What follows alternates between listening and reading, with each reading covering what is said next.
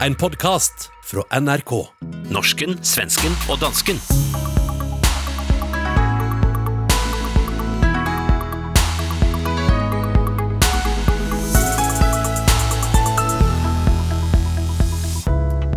Er norske Werner Jensen en stor kunstner eller stor svindler? Carl Bildt har sat fyr på det danske og norske Twitter efter årsdagen for nazisternes invasion av de to nabolandene. Og hvem er mest ængstelig av norsken, svensken og dansken?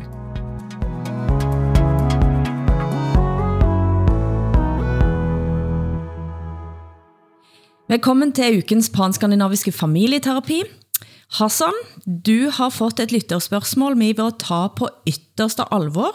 Det kommer fra en svenske som bor i Varberg, gamle Halland, på grænsen til Danmark, og føler sig mye tættere knyttet til København end til Stockholm. Og hun spørger, Som halländing mistænker jag att ni danskere liksom har glömt oss. Stemmer det, Hassan?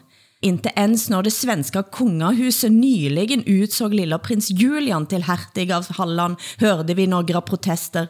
Ska ni inte skydda oss från ockupationsmakten i Stockholm? Är den holländska kärleken till Danmark obesvarad? Ja, Er det ubesvart kærlighed? øh, ja, det er et alvorligt spørgsmål, som jo øh, kræver et alvorligt svar. Ifølge Roskilde-aftalen, så var meningen jo med de her skånelande, at de skulle bevare deres autonomitet, men den aftale har Stockholm tydeligvis ikke overholdt, fordi skånelandene blev jo en del af et Storsverige. Og det er jo det Storsverige, som vi, øh, nabolandene, i dag bokser med, øh, fordi det her Storsverige har en form for storhedsvandvid. Øh, på den måde vil jeg sige, at jeg kan fuldt ud tilslutte mig frustrationerne, som kommer fra de her øh, skånelande, ikke? Øh, som jo øh, illustrerer øh, den der, hvad kan man sige, Hassan, eh, ledsen ja. att avbryta, men du pratar om Skåne, men den här kvinnan hon skriver från Halland. men Halland er... Det är något, det är något helt annat. Håll med Hassan om att du har ingen aning om vad Halland är för någonting. Jo, jo, jeg ved udmærket, hvad Halland er. Halland er Carl, de... Carl Bildt kommer från Halland. Det är Sveriges mest kända hallänning. Det är Carl Bildt. Ja, ham, og ham kommer vi til at tale om senere. Han som just har startat, han som just har startat krig mot det. Ja, lige præcis. Men Åsa, ja. der er jo faktisk fire skånelande. Halland, Skåne, Blekinge og, Och Köpenhamn. og Bornholm. Ja, okej. Ja. Men jeg vil jo sige, altså selv på trods af, Åsa, at jeg ved, hvor øh, hvilket moderne øh, og fleksibelt menneske du er, hvor lydhør du også er, så er du jo præget af den her, øh, hvad kan man sige, storsvenske form for storhedsvandvid. Ikke? Faktiskt. Men jag älskar ju att Halland tillhör Sverige eftersom det ofta är där nere som jag är och besöker hotellen.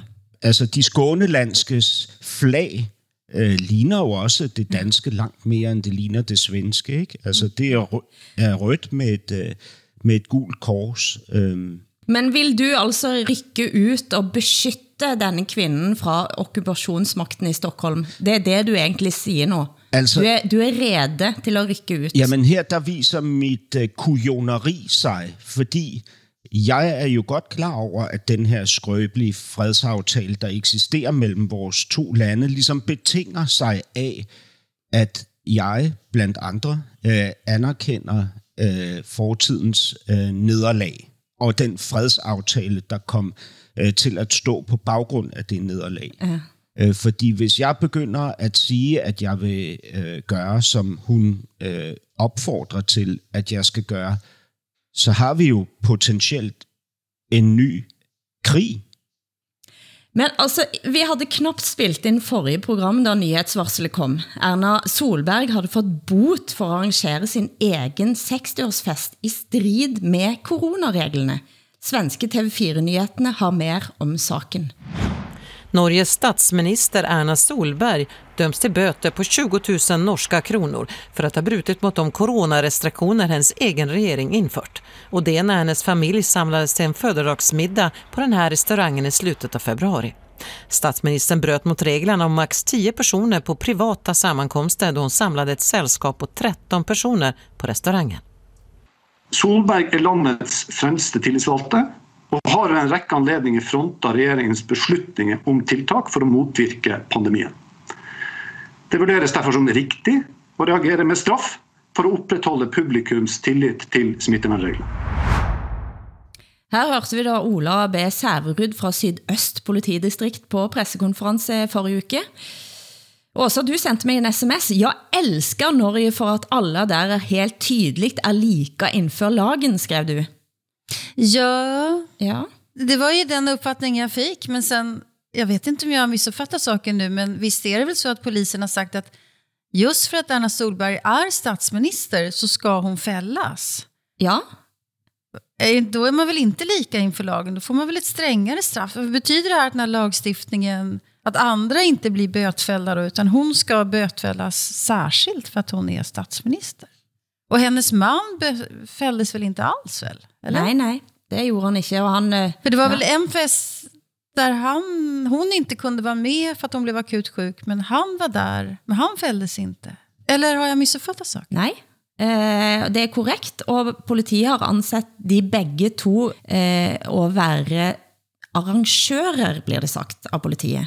Så begge er arrangører, men kun Ok. Erna Solberg får 20 000 i bot. Nej, men jag måste bara så att jag verkligen, verkligen förstår. Är det så att polisen har sagt att eh, just för att Anna Solberg är statsminister så, ska hon, så är det viktigt att hon fälls? För att hon är liksom symbolen för att man ska ha tillit i staten? Sån har jag förstått det. Om hon inte hade varit statsminister då hade hon inte, då hade hon inte fällts i den här lagstiftningen som hon själv har instiftat. I alle fall så er det sånn at hennes, eh, hennes mann ikke blir felt. Ja.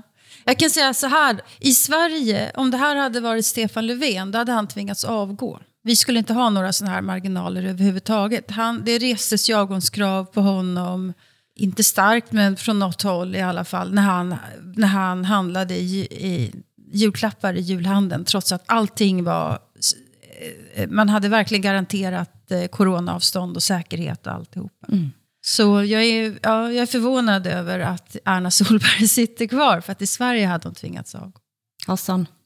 Ja, det, det er jo en sær konstruktion, ikke? fordi så giver man hende en bødestraf, som man angiveligt ikke vil give andre norske borgere. Det er jo et besynderligt kompromis. Jeg tror heller ikke, Mette Frederiksen, som vi har talt om tidligere, vil overleve rent politisk at have øh, holdt sin øh, fødselsdagsfest med for mange mennesker under øh, nedlukningen. Jeg mener, altså den danske dronning Margrethe den anden aflyste jo sin 80-års fødselsdag, og, og så vidt jeg har forstået, så overholdt hun alle regler i den tid, øh, mm. i forhold til hvor mange mennesker hun måtte øh, se, selvom hun ikke engang er underlagt dansk lovgivning. Og det har faktisk forundret mig ganske kraftigt, at eh, ikke presset mot Erna Solberg økte eh, i denne saken her. Hvorfor har det ikke gjort det? Nej, og jeg lurer på, om det er en slags form for lammelse. Vad betyder det?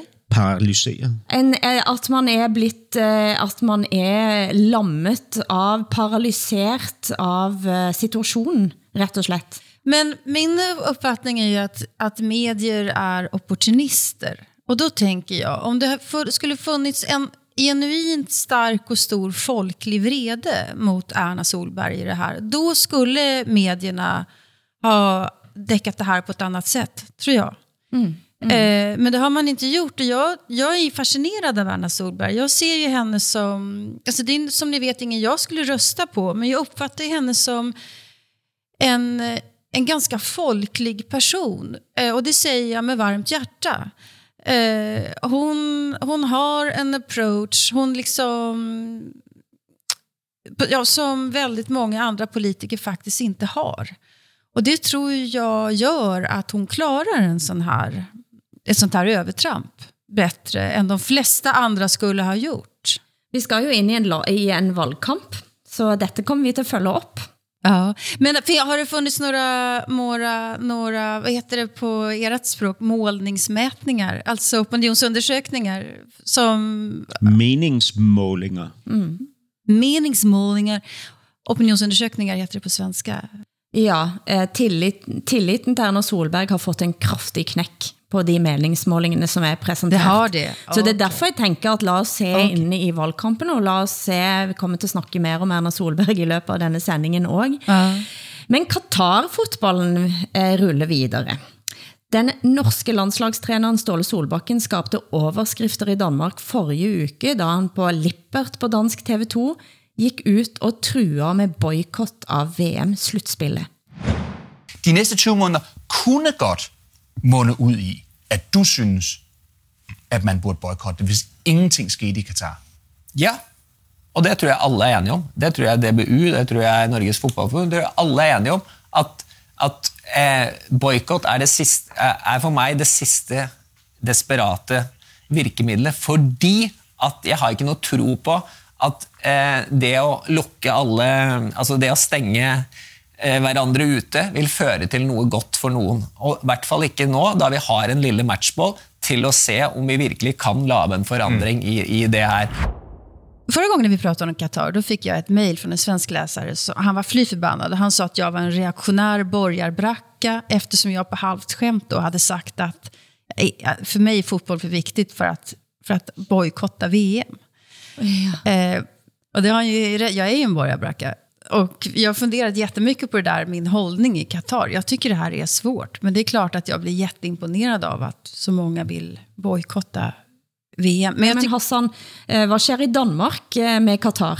Jamen, der sker det i Danmark, at det, øh, hovedsponsoren af det danske landshold har trukket sig. Øhm, det så øh, viser det sig ikke på grund af Katar, men på grund af andre øh, elementer. Alltså trycket, vad betyder det? Tråcke sig? har, har øh, ja, hvad siger man, øh, trukket sig. Trukket sig, Altså er, gå, er gået fra, fra sponsoraftalen. Dragit Og, sig øh, undan?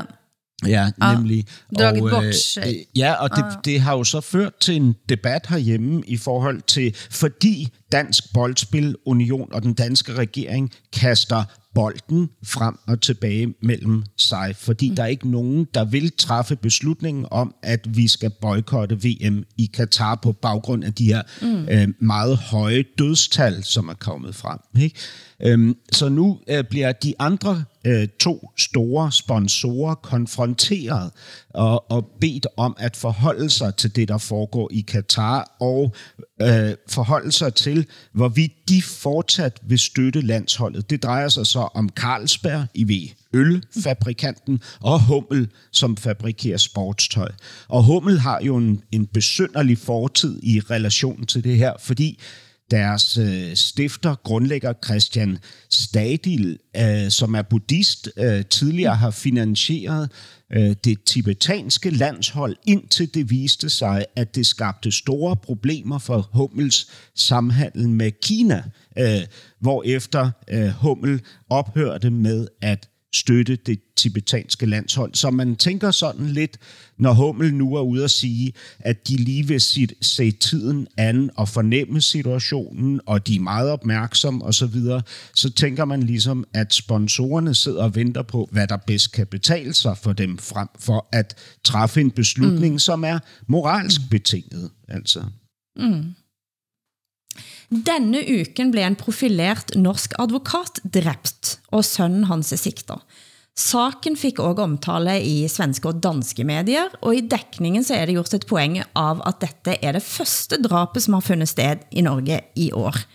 Vet du hvor mange drab som det har været til nu i Sverige også? Fan, jag skäms nu. Jag det var jag som sa att du skulle fråga mig det, så jag har glömt att ta reda på det. Förlåt. Jeg, men jeg gjorde nogle enkle søk og fandt blandt andet i Brå sine tal, at det i 2020 var 124 drap i Sverige. Eh, I år eller på ett år? Det var 2020.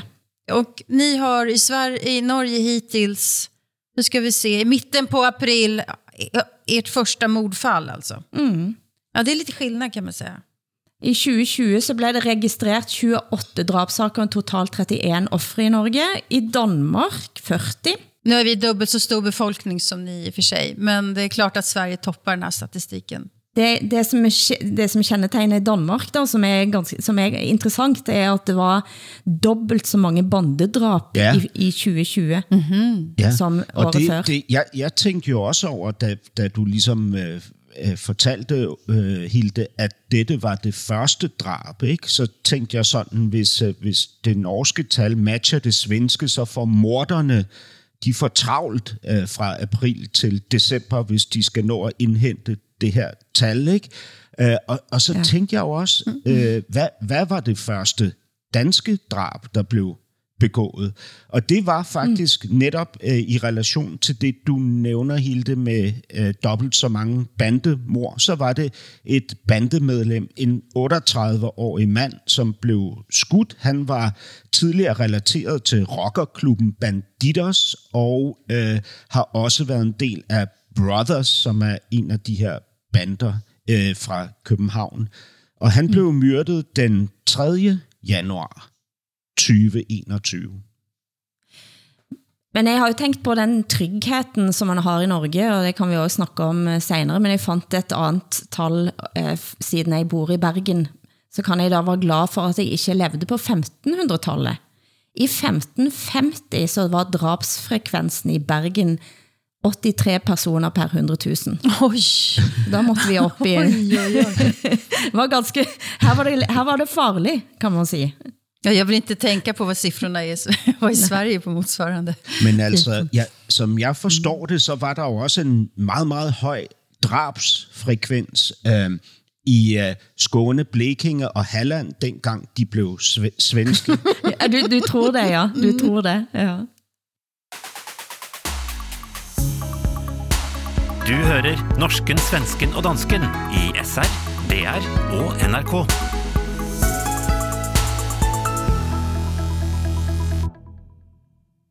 Hvem er Werner Jensen? Det har været det store spørgsmål, han har stilt sig i Kunst-Norge den sidste uken. Værk av kunstneren er blitt solgt for mange titals tusen kroner over flere tiår, men politiet mener nu, at de står overfor en storstilt svindel. Her er pol- politiadvokat Andreas Meg Bensen på Dagsrevyen forrige lørdag. Hvem er Werner Jensen, da? Etter hvert har det blitt klart for oss at Werner Jensen er en oppdiktet person. En person som ikke fins i det virkelige liv, og at man rett og slett har funnet opp navnet Werner Jensen for å lage en illusjon av at man står overfor en ekte kunstner. Vi er tilbake i galleriet, der alt startet. Første spørsmål, da. Hvem er Werner Jensen? Eh, Werner Jensen er jo en kunstner som eh, vi har hatt representert i galleri mer enn 25 år. Eh, Werner Jensen eh, har malt bildene sine under et pseudonym, sånn at Werner Jensen som navn er et pseudonym, eller et alias, eller et kunstnernavn, hvis jeg kan si det. da. Men hvem er Werner Jensen, da? Werner Jensen, det er undertegnede. Til slut her hørte vi altså gallerist Jon Hedemark inn- indrømme, at det er han som står bag kunstnernavnet Werner Jensen. Det er jo fantastisk, Hilde. Det, det er jo vidunderligt, det her. Altså, han har simpelthen øh, opfundet kunstnere, som ikke findes. CV'er og udstillinger i utlandet, og ikke bare én kunstner, men flere kunstnere, en fotograf og to eh, malerkunstnere, som har veldig ulik stil. Ja. Men det är, det är alltså galleristen själv som har målat de här tavlorna så har han hittat på två olika konstnärer, eller en, en konstnär. tre. Som, tre. Tre, tre kunstnere. Mm. Men, men det är originalkonst, det är han som har målat med egna motiv och det är ganska imponerande. Det är ungefär som en författare som skriver under pseudonym eller sådär. Ja, Ja, altså... men altså her... Han har, ja, ja, undskyld. Hassan. jamen, jeg tænker bare, det der, det der jo er så særskilt ved kunsten, ikke? især den øh, abstrakte kunst, ikke? det er, at, at man jo inden for den kan påstå, at alt er kunst ikke? I, i princippet. Ikke? Og dermed så efterlader det jo også øh, muligheder for, at øh, alle kan påstå, at de har set noget helt særligt, som ingen andre kan se. Ikke? Og det er jo det der game, som er så vanvittigt spændende, ikke? når der så er en, en, øh, ja, en, en mand, som har som har konstrueret flere kunstnere, som har lavet mange kunstværker, ikke? og folk har købt de der kunstværker. Altså, der var på et tidspunkt en mand, som indsendte sin treårige søns øh, maleri til øh, forårsudstillingen på øh, Charlottenborg øh, her i København. Ikke? Og det værk, det blev antaget. Ikke? Øh, og jeg, jeg tror endda, det fik ekstra meget opmærksomhed på grund af sin farvesammensætning og, og hvad kan man sige, den indsigt, der ligesom lå imellem linjerne i det her fantastiske værk. Ikke? Mm-hmm. Øhm, og så havde vi jo Anna Kastberg, som var direktør for, for det, det, øh, et af de allerstørste museer for moderne kunst her i Danmark, Arken. Øh, Anna Kastberg viste sig jo at være fake i sig selv. Altså, hun blev ansat som direktør på baggrund af et CV, som ikke, øh, eksist, altså, som ikke var i overensstemmelse med nogen som helst virk- virkelighed. Ikke? Så ja, det er fantastisk. Men jeg jag måste fråga då. Han, han har konstruerat CV Ja. eh, för de här olika konstnärerna som han har hittat på. Och så har folk köpt konsten därför att de, de har tänkt att det här är en väldigt välrenommerad konstnär. Men har han någon gång blivit recenserad, undrar jag? Alltså finns det konstkritiker som har tittat på de här tavlorna och sagt det är fantastiskt, det här är jätte, jättebra. Jag menar, då är det ju... För att, jag menar, att konstvärlden är en bluff vad gäller pr- priser och att det är fake väldigt, väldigt mycket. Att det är helt vilt som, som Hassan säger, det är en sak. Men vad har, vad har konstkritikerna sagt? Nei, og det tror jeg, tr- jeg, Är det bra eller dålig konst? Så langt jeg har sett, så har jeg ikke sett at han har blitt eh, resenseret, anmeldt av noen kunstner. Nej, okej. Eh, nå, nå har en vel eh, folk som har sett på de tingene han har gjort, men jeg tror nok ikke han hadde blitt sett på som så interessant at han skulle anmeldes. Eh, men det skal jeg selvfølgelig undersøke. Nej.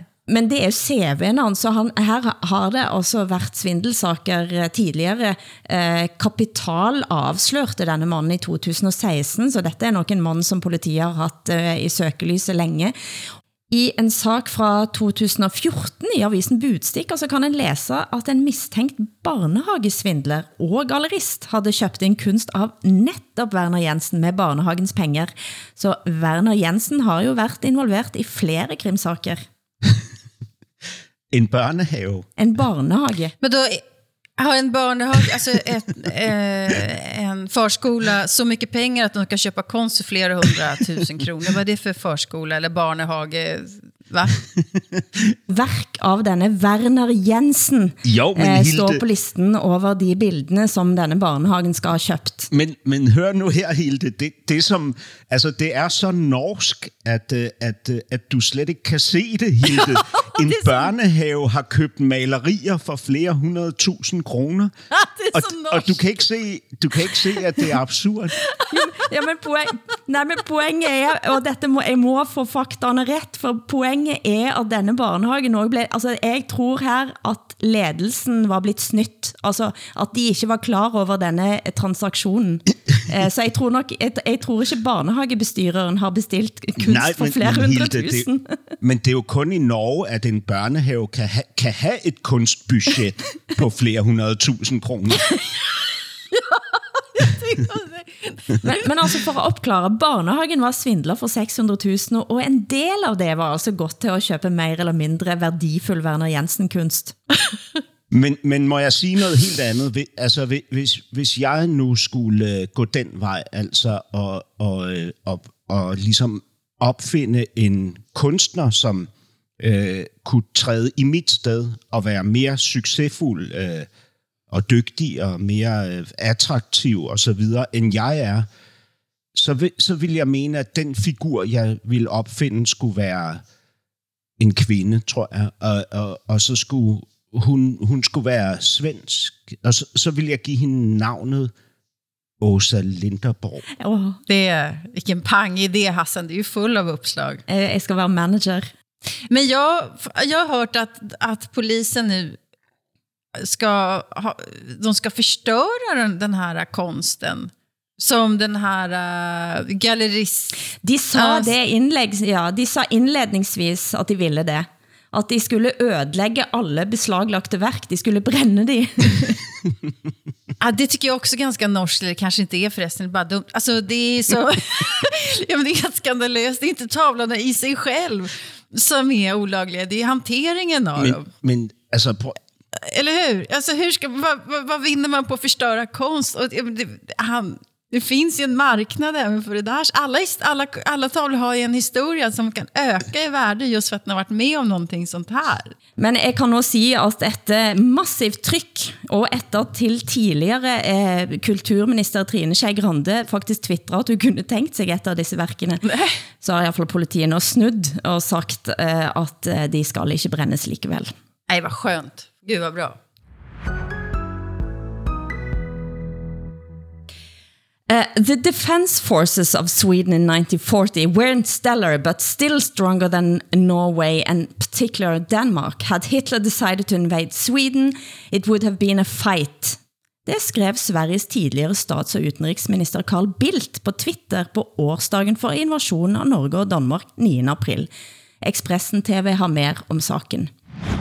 Och det här uttalandet har då kanske rört upp allra starkast känslor i Norge där bland annat flera politiker då har uttryckt förvåning och irritation över Carl Bildts ord.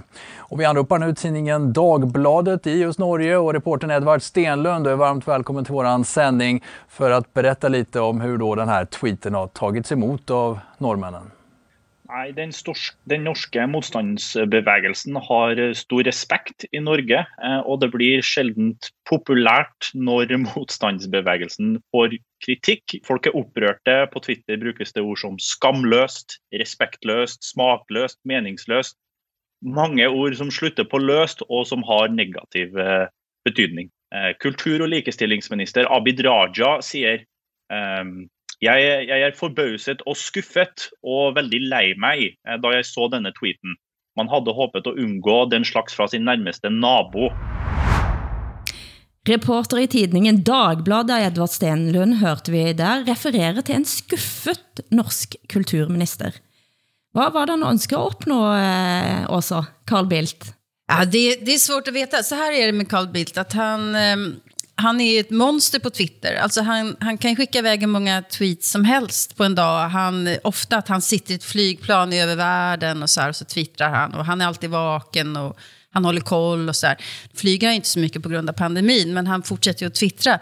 Och det här är liksom inte den enda dumma tweeten som han har skrivit. Han, det är ungefär så här han är. Och eh, vi i Sverige, vi bryr oss inte om det här för det är Carl Bildt. Eh, Vi känner igen hans liksom, lite överklassarrogans. och också Allting rinner av honom. Problemet med Carl Bildt, tycker jag, från mitt perspektiv, det är att han har så väldigt fin humor också. Så att man, man liksom förlåter honom för ganska mycket. Men det här är inte kul. Det han har skrivit den här gången har, det är inte roligt överhuvudtaget. Nu känner inte jag något ansvar för varken honom eller Sverige, så jag kan inte be om ursäkt. Men eh, jag förstår om ni är förbannade. Jamen altså, prøv at høre. Man er jo forbandet. Man bliver jo rasende over det her, ikke? Altså, det, jamen prøv at høre. Det er, det er jo simpelthen så stupidt, som det kan være, at, at sige, som han har gjort, ikke? Altså, når man ligesom studerer fortiden, den mindste lille smule, ikke? øh, så kan man jo se, at det svenske forsvar i 1937 var ikke eksisterende, og i 1939 havde det øget sin kapacitet med 20 kampvogne. Ikke? Altså, hvis Karl Bildt bilder sig ind, at man efter at have tikket Hitler om at få lov til at købe krigsmateriel ikke? her i, i slut 30'erne, ikke?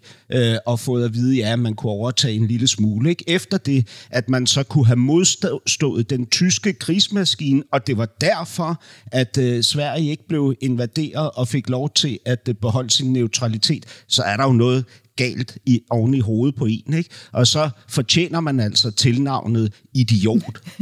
I modsætning til den norske dommeren, som du chikanerede forrige sending. Jeg kom, kom til at øh, kalde en norsk dommer for idiot, og det er, øh, var jo virkelig idiotisk. Du er idømt en hyttestraff. Det kan vi snakke om senere.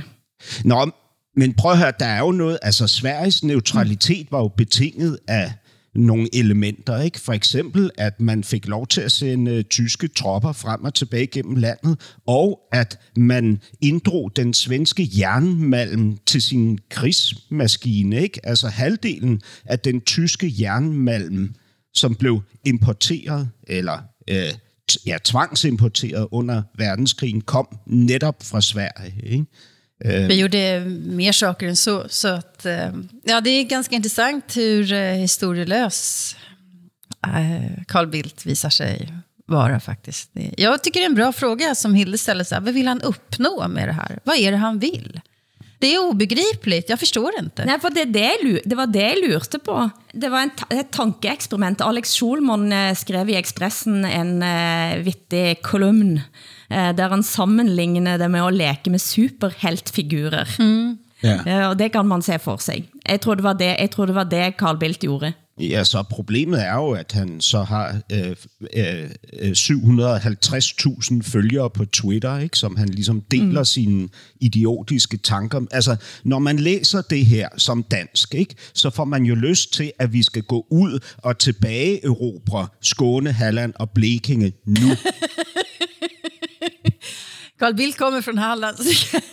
Ni kan ta honom, Netop. säger jag bara. Ta honom. Netop. Ja. Ni, ni får honom.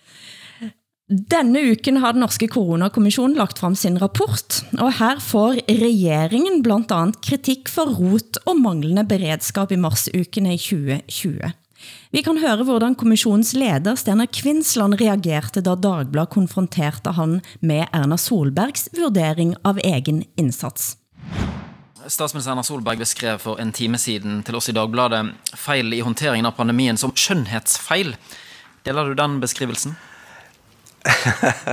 Ja, den var ikke god. Nej, altså jeg vil nok ikke brukt den, den betegnelsen på det, og jeg er usikker på hvad, om statsministeren har, har eh, kanskje ment det som vi da kunne tolke det som. Eh, eh, mye har været bra, som vi har sagt, men det er klart at nogen ting her skulle definitivt vært gjort annerledes.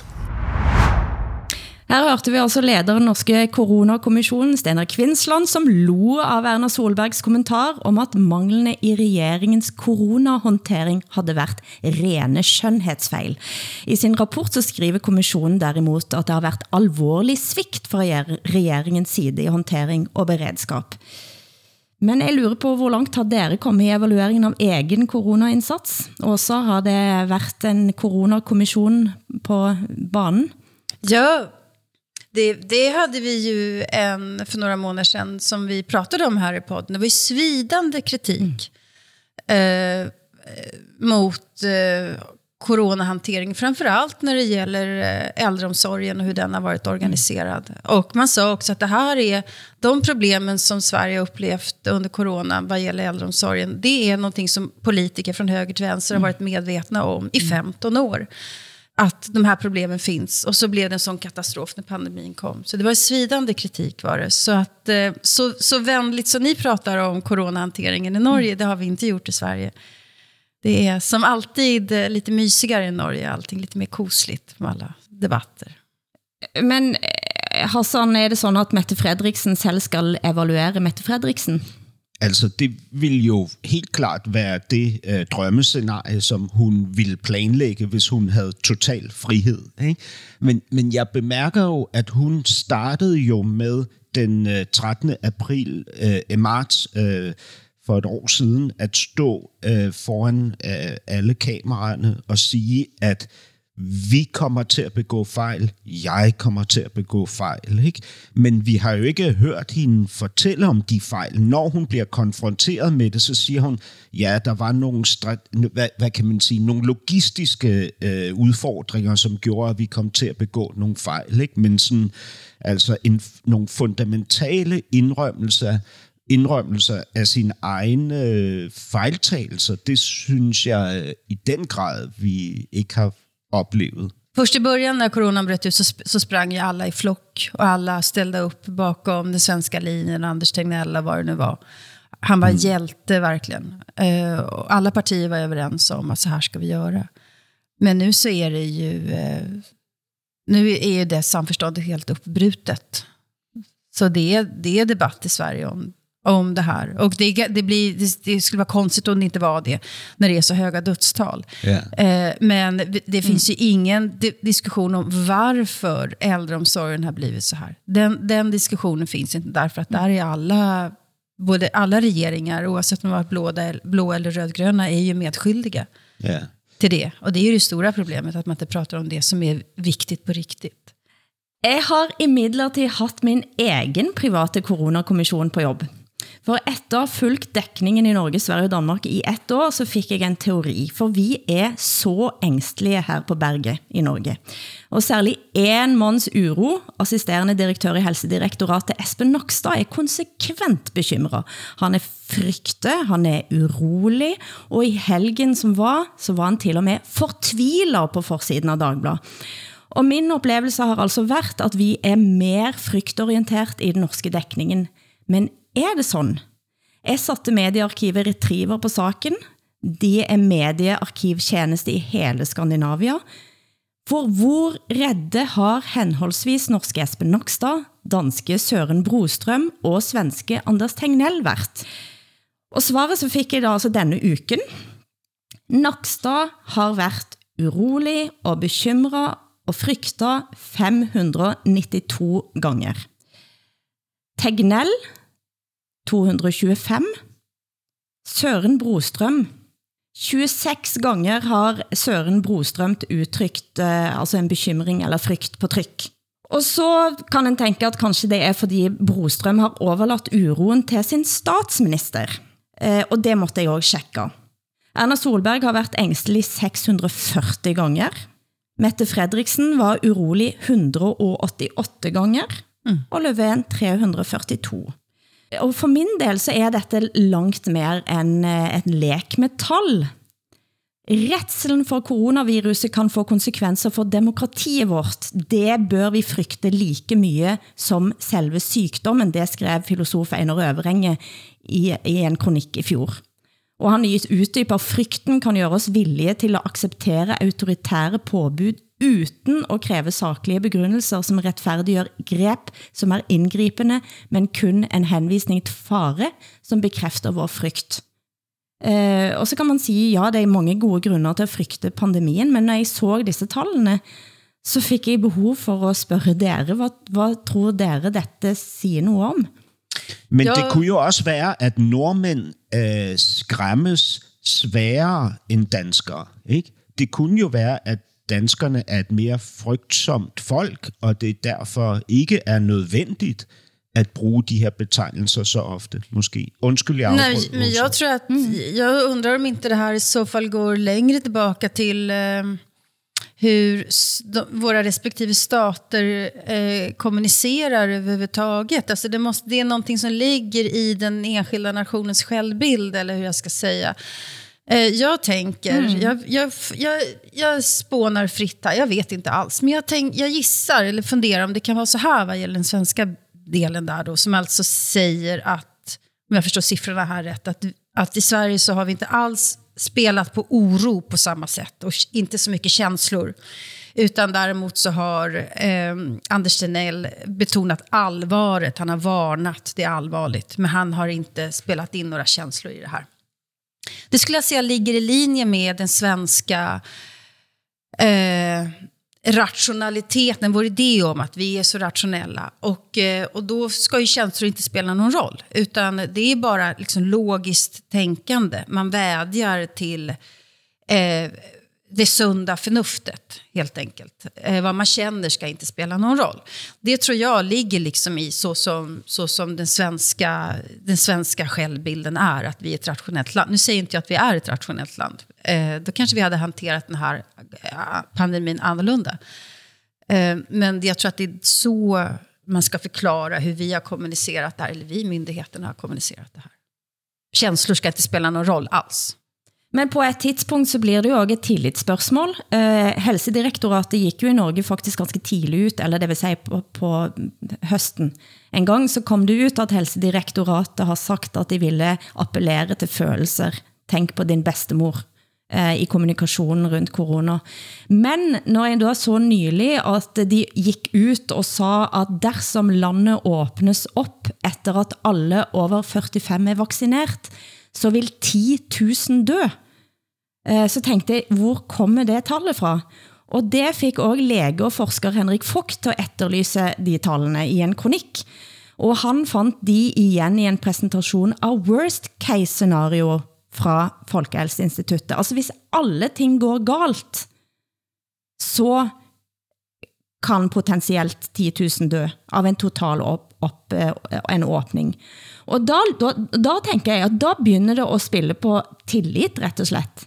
Fordi jeg er, for min del, jeg er, sådan, jeg er nok kanskje mer svensk sådan også, fordi at når folk prøver at sige til mig, at jeg skal være redd, så, så vil jeg ha eh, tallene og svaret og, og rationale bak. Men når jeg oplever, at myndighetene pumper op worst case for at få mig til at lyge og adlyde, så gør det noget med min tillit. Jeg, jeg synes, altså man kan jo også tænke, at det her øh, øh, fænomen illustrerer, i virkeligheden mest illustrerer en frygt blandt vores landets ledere, mm. øh, fordi det virker som om, at man Øh, altså man, som man siger i Danmark i hvert fald, at, vi, at de vil gå med livrem og seler, altså man vil sikre sig mod at have taget den forkerte beslutning ved at gå meget, meget langt i sin, øh, hvad kan man sige, i sin... Øh, ja, i, i sine ordre. Ikke? I, øh, altså det seneste nu er jo, at vi i Danmark har stoppet øh, vacciner med AstraZeneca, fordi der har været de her ret få tilfælde af blodpropper. Ikke? Men der er jo simpelthen en sundhedsstyrelse og en regering, som ikke vil have siddende på deres kappe, at de ikke stoppede den i tide. Ikke? Og derfor er vi nu det første land i verden, som indstiller AstraZeneca-vaccinen. Altså det siger jo også noget om vores øh, ledelse og, og deres forhold til befolkningen og befolkningens forhold til dem. Ikke? Mm. Men jag ska också säga att det säger någonting om Sverige att eh, øh, svenska myndigheterna har varit de kanske långsammaste i världen då, eh, med att stoppa någonting eller pausa någonting. Utan eh, här säger man att det finns ingen anledning att vara orolig överhuvudtaget. Men jag tänker också hur man har kommunicerat pandemistrategier i Sverige. Så då har det, som sagt, det har inte varit så mycket oro alls. Det, Hildes siffror här, de är tydliga. Men i Sverige så har man pratat om solidaritet. Alltså man ska tvätta händerna, man ska hålla eh, social distans där, av solidariska skäl mot andra människor. Inte för att man själv ska vara rädd att bli smittad egentligen. Det är också ganska svenskt, tror jag, Tänker jag. Och med detta säger inte jag att Norge och Danmark är mindre solidariska människor. Jag säger inte heller att ni är mindre rationella, utan jag säger bara att det här är den, den svenska självbilden som tar sig sådana här uttryck. Du hører norsken, svensken og dansken. Programmet blir sendt i Danmarks Radio, Sveriges Radio og Norsk Rikskringkasting.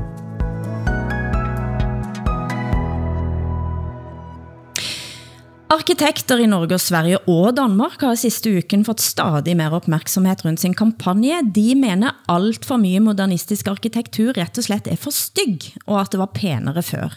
Hør her fra norske VGTV. Arkitekturopprøret Norge er en nyopprettet Instagram-konto som kort fortalt mener at mange av de nye byggene som bygges i Norge i modernistisk stil, rett og slett er for stygge. De viser også til flere vitenskapelige studier som viser at folk ikke foretrekker modernistisk arkitektur og negative psykologiske effekter av å være omringet av stygg arkitektur. Og engasjementet har vært enormt. Allerede på de drøye to ukene kontoen har vært oppe, har de fått over 30 000 følgere. Altså, vi tror rett og slett vi har satt fingeren på noe som veldig, veldig mange er opptatt av. Og vi tror veldig mange er drittlei, rett og slett. Når samfunnet er på alle andre måter blitt så mye bedre de siste 100-150 årene. Hvorfor er arkitekturen, byutviklingen, blitt dårligere? Det trenger jo ikke være sånn. Til slut hørte vi Saher Sorori uttale sig på vegne av arkitekturoprøret Norge. Men dette er et oprør eh, også i Sverige også? Ja, eh, vi har ett arkitektuppror i Sverige som jag tror har 34 000 aktivister på Facebook. Så tror jag. jag tror att många arkitekter är väldigt trötta på den här nyfunkisstilen. Att eh, alla hus ska, ska ritas på det viset. Det kan jag, den, den tröttheten kan jag förstå. Men eh, att nästa steg då skulle vara att man ska gå tillbaka till en klassistisk eller klassisk eh, arkitektur. Det tror jag inte mm. så många egentligen skulle vilja som är verksamma arkitekter. Jag tror inte att egentligen att befolkningen skulle vilja ha det heller. Jag tror man vill ha nyskapande och eh, järv arkitektur. Fast inte direkt, men efter ett tag mm. så ser man ju. Och människevänlig, inte minst. Ja, altså, jeg, jeg synes, det er mega interessant, det her. Øh, altså, det, det bliver jo kaldt menneskefjendsk øh, arkitektur af, de her, øh, af den her øh, gruppe, som hedder Arkitekturoprøret. I Danmark har den så øh, næsten 8.000 øh, medlemmer på Facebook. Øh, og jeg synes, det er en virkelig, virkelig spændende snak. Altså, jeg, jeg synes ikke så meget, det handler om, øh, altså, om hvorvidt øh, de her bygninger, som bliver bygget nu, er grimme eller pæne. Øh, jeg, jeg synes mere, det handler om den her, hvad kan man sige, øh, narcissisme, som også kommer til udtryk øh, gennem arkitekternes arkitektur. Ikke? Altså det er som om, hvis du får en opgave som arkitekt, så skal du markere dig og din øh, arkitektvirksomhed. Ikke? Den skal være stor og tydelig og markant, ikke? og det gør du ved at lave noget, som skiller sig ud i, i, billed, i bybilledet. Ikke? Og jeg tror, man vil kigge tilbage på vores arkitektoniske stil i fremtiden og kalde den hypernarcissistisk, ikke? Fordi det er, altså, det er jo en, en penisforstørrer for alle de her arkitekter, ikke? At de kan stille deres bygninger op i glas og stål og skinnende flader og farver, som bryder med bybilledet og sådan noget, ikke? Men det finns ju massa, tycker jag, underbara exempel på ny dansk arkitektur. Jag tänker den svarta diamanten till exempel är ju en makalös byggnad. Den är ju helt fantastisk. Mm. Uh, och, men om arkitektureuropa skulle få vinna så skulle ju sådana byggnader aldrig få uppföras. Ja, ja, og, og det, altså, jeg tænker, men nu må jeg bare gøre opmærksom på, at jeg sitter i styret i et, i et arkitektselskab, mm. uh, og generelt optaget av bymiljø. Uh, så det må, det må lægges ind som en disclaimer her. Men jeg tænker, at det er jo ikke problemet med den narcissistiske arkitekturen, der, der, der er arkitekter, Nej. som vil noget. Mitt standpunkt i det er at det er byggeriet som præger byene våre. Det skyldes ikke arkitekter, men det skyldes entreprenører og store mm. utbyggere og enormt press på priser. Så når arkitekter kan ha tegnet et ganske flott eh, eh bygg, et godt bygg og en menneskevenlig bygg, så skrælles det av eh, genstand for genstand til du står strippa igen med det som du snakker om, eh, Hassan, som de blanke eh, massegenererte ja. flatene. Mm, det er det, som er problemet. Jo, og så er, pro- så er problemet jo også, øh, Åsa, når du øh, refererer til den sorte diamant, som er et utroligt mm. smukt, øh, respektfuldt mm. byggeri mm. i Københavns Havn, øh, så er problemet, at det er jo ikke længere et byggeri, man kan se nogle steder fra, fordi det efterhånden overskygges af det ene imponerende narcissistiske mm. arkitektprojekt efter det andet. Ikke? Så den sorte diamant er nærmest bokset inde af, ja, af, af, af andre elementer, som skal overstråle det. Ikke?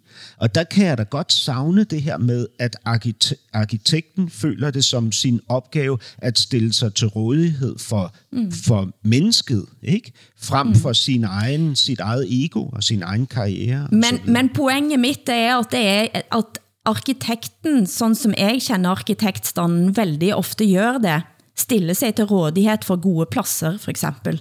Men de blir overstrålt ikke av an arkitektur, men av forvaltning og av store entreprenører og store utbyggere, som skal ha mest mulig værdi eh, på, for, altså for, på færrest eh, mulig kvadratmeter. Eh, og det gør at byene våre blir ganske ulevelige etter hvert. Ja, men jag tänker också nästan alla nya bostadskvarter som man bygger i, i Sverige, de ser likadana ut. Och det är den här nyfunkisarkitekturen mm. som jag själv tycker är ganska snygg. Jag gillar det här rena, raka, enkla, funktionella. Men det blir ju väl, väldigt tråkigt när allting ser likadant ut.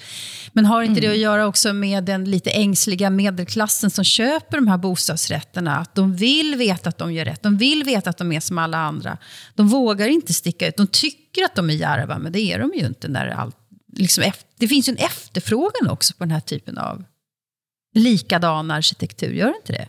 Ja, altså jeg, jeg bor her øh, sådan cirka øh, lige midt imellem to øh, arkitektonisk øh, markante pladser. Altså lidt længere ude på Nørrebro ligger den røde plads, som er bygget eller konstrueret, tegnet af tegnestuen Bæk, altså Bjarke Engels meget berømte tegnestue. Det er en plads, som er så kompleks arkitektonisk, at jeg bliver mega forvirret af at være derude. Der er så mange imponerende elementer, øh, som skal gøre indtryk på mig som, som beskuer. Ikke? Samtidig så er materialet dårligt, belægningen holder ikke, og man falder derude, når det regner. Ikke? Netop, det var, derfor, det var det, jeg sa. Det var mit poeng. Ja. Mm. Og, og hvis man går lidt den anden vej, så ligger Israels plads her på inden for søerne i det indre København.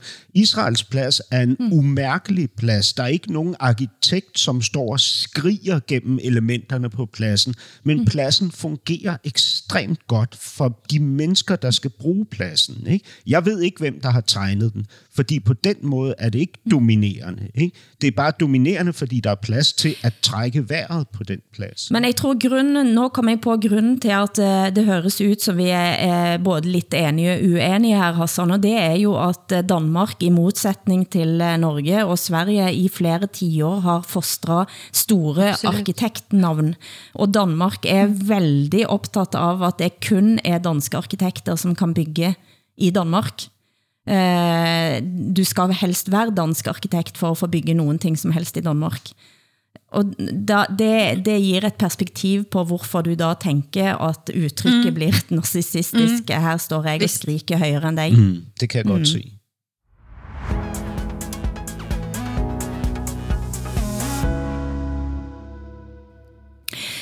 Norsk utdanningsminister ville fjerne blandt andet historie fra timeplanen og har fått masse motstand. Og denne diskussionen går nå blandt andet også i USA, nå som skolene åbner igen efter pandemien hvilke fag trænger vi, og hvilke fag trænger vi ikke længere. Og jeg har bare et helt kort, kort spørgsmål til panelet, eh, helt sådan afslutningsvis. Hvilke fag skulle dere ønske, at det blev undervist i på skolen? Åsa, har du tänkt ut ett fag? Ska jag bara förklara för, för svenska lyssnare att vilket skolämne tycker jag eh, borde tillföras skolan? Mm. Just det. Jag blir ju rasande när man vill ta bort historieämnet. Jag tycker att vi bara ska undervisa historia i stort sett. Jag tycker Carl Bildt skulle behöva sättas på skolbänken igen i historia. Men om ett ämne som jag skulle vilja fanns som obligatoriskt, det är att man får ta ett körkort, att man lär sig köra bil. Eh, därför att det är fruktansvärt dyrt och vi behöver ha bilen för en levande landsbygd. Och den som ska ta ett kroppsarbete till exempel, de kvinnor som jobbar i hemtjänsten behöver kunna köra bil. Så att det är väldigt många Jäntor utan pengar som verkligen skulle behöva ha det här. Nu kommer folk att säga, ja, så hon vill öka bilismen. Ja, snart har vi eldrivna bilar, så jag ser inte det här som något miljöproblem på lång sikt överhuvudtaget. Ja, men vi har, vi har ju snart självkörande också. För egen del så har jag inte körkort. Uh, jag har lovat nu att jag ska ta ett körkort. Jag önskar att jag hade fått göra det gratis i skolan. Hassan? Hvilke fag? Altså, for mig er det de klassiske fag, som har størst betydning. Jeg synes, historie er ekstremt vigtigt, ligesom Åsa, øh, men også faget kunst, altså øh, en, altså en opdragelse i kunstforståelse, synes jeg vil være øh, mega fed at, at ligesom sikre, at vores børn øh, oplever mm. eller bliver udsat for Øh, og måske især øh, i en øh, norsk sammenhæng ville det være godt, at børnene øh, tidligt øh, bliver oplært i kunstkritik, øh, fordi de skal jo ud en dag og have jobs i alle de der børnehaver i Norge, som jo så sidenhen skal indkøbe kunst for 600.000 kroner. Ikke? Vi skal ha små kunstkritikere, det ser jeg selvfølgelig frem til, men jeg har, oh, Gud, Norge. men jeg har uh, tænkt uh, ut et uh, eget fag, som vi kanskje kan la lage, vi kan skrive den læreplanen her i norsken, svensken og dansken, nemlig faget kränkkunskap. Kunskap om kränking, som jeg gerne vil ha ind i barnehagen egentlig mm. allerede. Og da kan barnehagebarn begynde at skrive kunstkritik, som, ikke, som, som har krænkekunnskapen internert. Jamen, hvad betyder det, Hilde, at, at vi skal lære at føle os krænket tidligere i Nej, vi skal lære os at skønne, at øh, krænkelse er en del av livet. Du, du skal udsættes for krænking. Som, som svensk er jeg helt målløs her. Ja, jeg, jeg vil sige, selv som dansk er jeg chokeret, uh, Hilde. Men det, det er udgangspunktet her. Jeg har til og med sagt det til mine barn. eh, at eh, to, altså, eh, ikke være hårsåre. Eh, og vi har snakket masse om hvordan, hvordan eh, slå tilbake. Min søn som er homofil, for eksempel. Eh, på hvilken måte, altså hvad er det han, eh, på, på hvilken måte, hvilke, hvilke indre kraft kan han ha eh, i møte med det som åbenbart av og til er diskriminering og kränkelse. Jag, är med, jag håller med dig. Ja. Og vi har, vi har på en måte brukt ganske mye tid til at diskutere det. Men alltså, vi, vi kommer få så många tillbakameldingar på det där. Så att det, vi tar upp det igen nästa vecka. Jag tyckte det var ett underbart skolämne. Det, det är skitbra. Jag är helt, helt Du- för dig. Ja, ja, ja, ja. Du kommer til at forklare det dig om, om en uge. Hilde. Det kan du ge dig fan på att du Men kommer det er skide godt. Ja, jeg skal gjøre det. Producent har været Henrik Hylland Ulving, tekniker Miriam Kirkholm i redaktion Marie Bø Trostrud. Tak til Hassan Preisler i København, Åsa Linderborg i Stockholm. Jeg heter Hilde Sandvik og sitter i Bergen, og vi høres igen om en uke. Den norske kunstneren bor i Tyskland, og bildene hans har været udstilt i en rekke land. Men det er bare ett problem. Jeg kan avkrefte at Werner Jensen eksisterer.